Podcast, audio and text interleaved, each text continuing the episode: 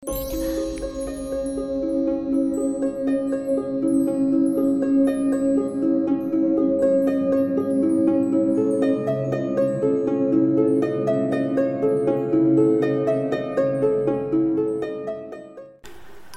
selamat datang dan selamat malam. Kembali lagi saya di narator di Rumah Indonesia. Menyapa kalian. Apa kabar? Apakah kalian sehat? Semoga kalian ada dalam keadaan baik-baik saja dan lancar semua urusan kalian. Seperti biasa, hari ini saya akan membacakan sebuah cerita horor dan pada malam hari ini saya akan membacakan sebuah cerita karangan Tia Safira Sasabila dan kalau kalian nanti suka sama ceritanya, kalian bisa follow akun Facebook di tia.shafira salsabila.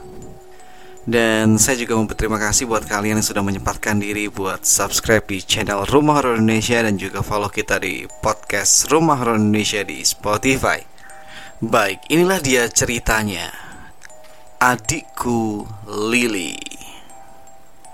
Hari itu adalah hari Minggu Cuaca hari itu cukup mendung.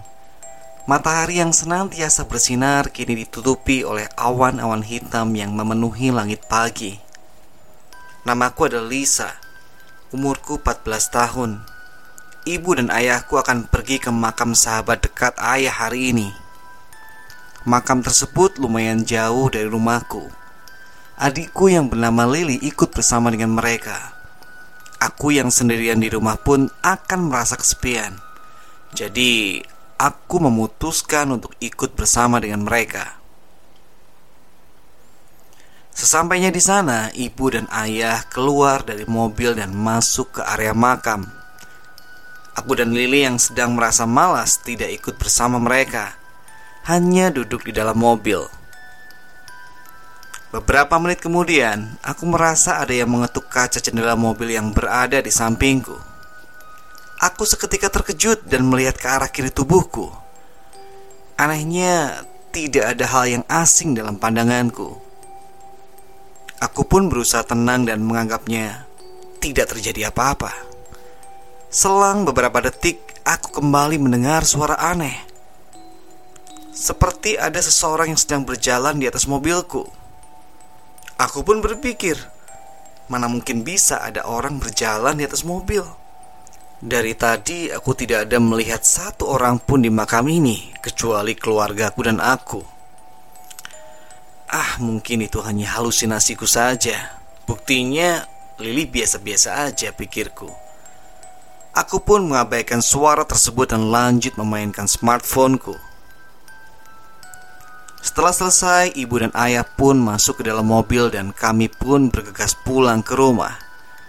Di tengah perjalanan, tiba-tiba kami melihat seorang laki-laki berpakaian lusuh dan banyak terdapat bercak-bercak darah berdiri tepat di depan mobil kami. Aku, Lili, dan ibu pun terkejut lalu berteriak. Ayah yang juga tak kalah terkejut membanting setir mobil ke arah kiri. Kemudian kami melihat sebuah pohon besar dan Kendaraan kami pun mendekatinya dengan sangat cepat. Alhasil mobil kami menabrak pohon tersebut dan kami semua tak sadarkan diri. Satu jam kemudian ada sebuah mobil yang sedang melintasi makam dan melihat mobil kami. Sang pengendara mobil tersebut pun segera menelpon bala bantuan. Sekitar lima menit, sebuah mobil ambulans pun telah datang. Aku tersadar Kepalaku rasanya pusing dan sakit sekali. Dengan perlahan aku membuka kedua mataku. Di mana ini? Terdengar suara sirine mobil ambulans di telingaku. Lama-kelamaan suara tersebut menghilang. Ya, aku tak sadarkan diri kembali. Aku dibawa ke rumah sakit oleh mobil ambulans tersebut.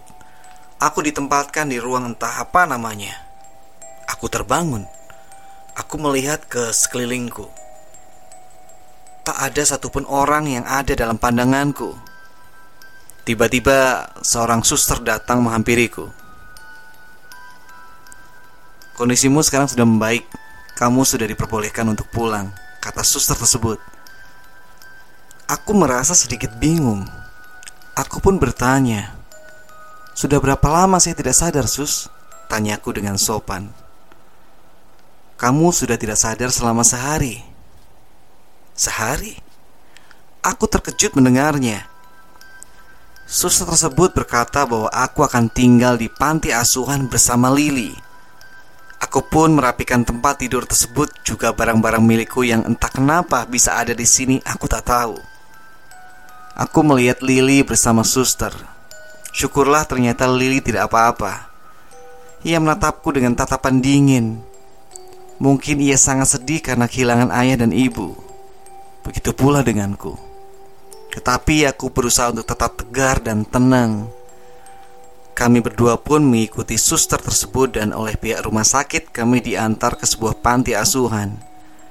Setelah sampai di panti asuhan yang dituju, kami disambut dengan baik di sana. Kemudian kami diantar ke kamar kami. Hari-hari berjalan normal seperti biasa. Aku dan Lili tak lupa pergi ke sekolah.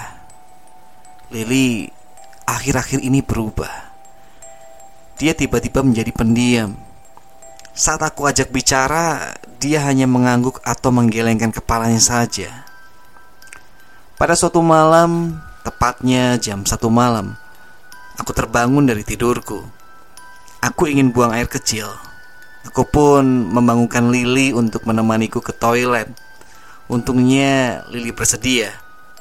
Aku dan Lili pun berjalan menuju toilet yang lumayan jauh dari kamar kami. Toilet yang berada di dekat kamar kami rusak dan sedang diperbaiki. Apa boleh buat, kami memang harus ke toilet yang lumayan jauh itu. Di sepanjang jalan menuju toilet, Lili terlihat berbeda. Dia mengajakku bicara dan dia juga tersenyum dan tertawa. Aku bahagia melihatnya kembali ceria. Tunggu di sini ya. Aku tidak akan lama kok, ucapku dan segera masuk ke toilet. Alangkah terkejutnya diriku, aku melihat tubuh Lili bergantung di dalam toilet tersebut. Lili bunuh diri. Lili meninggal. Lili, ucapku yang mulai menangis. Ia mengenakan baju tidur lengan pendek berwarna hitam, persis seperti Lili yang sedang menungguku di luar. Jadi, Lili yang sedang menungguku di luar, aku merinding. Lisa, apakah kau sudah selesai? Boleh aku masuk sekarang? Tanya Lili dengan pelan sambil membuka pintu toilet yang ternyata tidak terkunci. Aku pun diam tak berkutik. Lili yang sekarang sudah berada tepat di hadapanku, tersenyum menyeringai ke arahku. Jangan menangis. Ikutlah denganku Lisa. Dengan senang hati Aku bisa membantumu agar kamu bisa bergantung di sini bersamaku. Ucapnya lirih lalu kembali menyeringai lebar dengan tatapan kosong tepat di depan wajahku. Tamat. Oke teman-teman, sekian cerita untuk malam hari ini. Ini ceritanya serem juga ya, saya bacain sambil merinding berkali-kali ya Sekali lagi terima kasih buat kalian karena sudah mendengarkan sampai akhir. Sampai ketemu lagi di cerita horor berikutnya. Selamat malam. Selamat beristirahat.